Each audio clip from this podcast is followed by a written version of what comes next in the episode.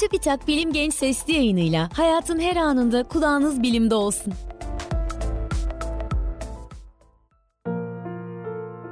Neden merak ederiz? Merak, canlıları yeni şeyler öğrenmeye yönlendiren bir histir. Sadece insanlar değil, pek çok başka canlı türde meraklıdır. Doğuştan gelen temel bir duygu olan bu his, bir güdü olarak sınıflandırılamaz. Çünkü merak sonucunda oluşan belirli bir davranış biçimi yoktur.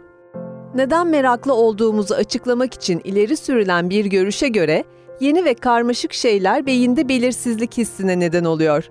Meraksa canlıların kendilerini hoşnutsuz hissetmesine neden olan bu histen kurtulmayı sağlıyor.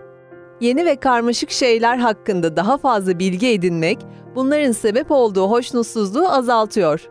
Bu kuramın en büyük eksiği, insanların yeni ve karmaşık şeylerle karşılaşmadıkları zaman da meraklanmalarını açıklayamaması.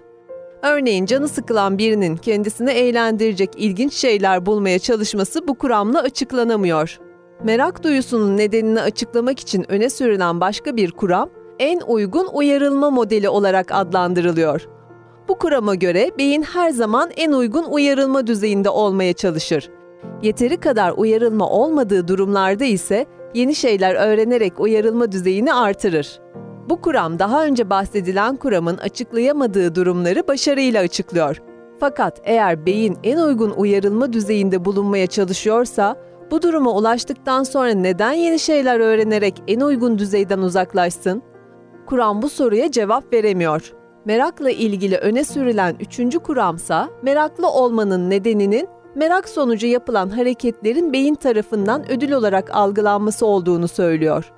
Bu düşünceye göre yeni bilgiler öğrenmeye çalışmak dopamin salgılanmasına neden oluyor. Beyin tarafından ödül olarak algılanan bu madde insanların kendilerini daha iyi hissetmesine neden oluyor.